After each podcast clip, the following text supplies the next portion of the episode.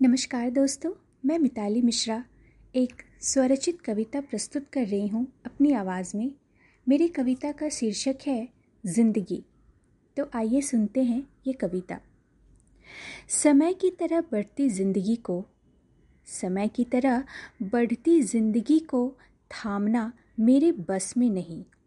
सागर की तरह हिलौरे मारती इस ज़िंदगी को थामना मेरे बस में नहीं। लेकिन ज़िंदगी से प्यार करना मेरे बस में है। ज़िंदगी पे एतबार करना मेरे बस में है। ज़िंदगी तो उस खुले किताब की तरह है।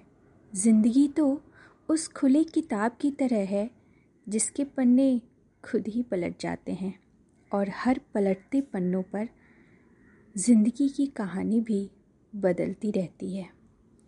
कुछ खोने का डर और कुछ पाने की चाह। कुछ खोने का डर और कुछ पाने की चाह। बस यही तो है ज़िंदगी की परिभाषा। कुछ गमों के पल और कुछ खुशियों की सौगात। बस यही तो है ज़िंदगी के मायने।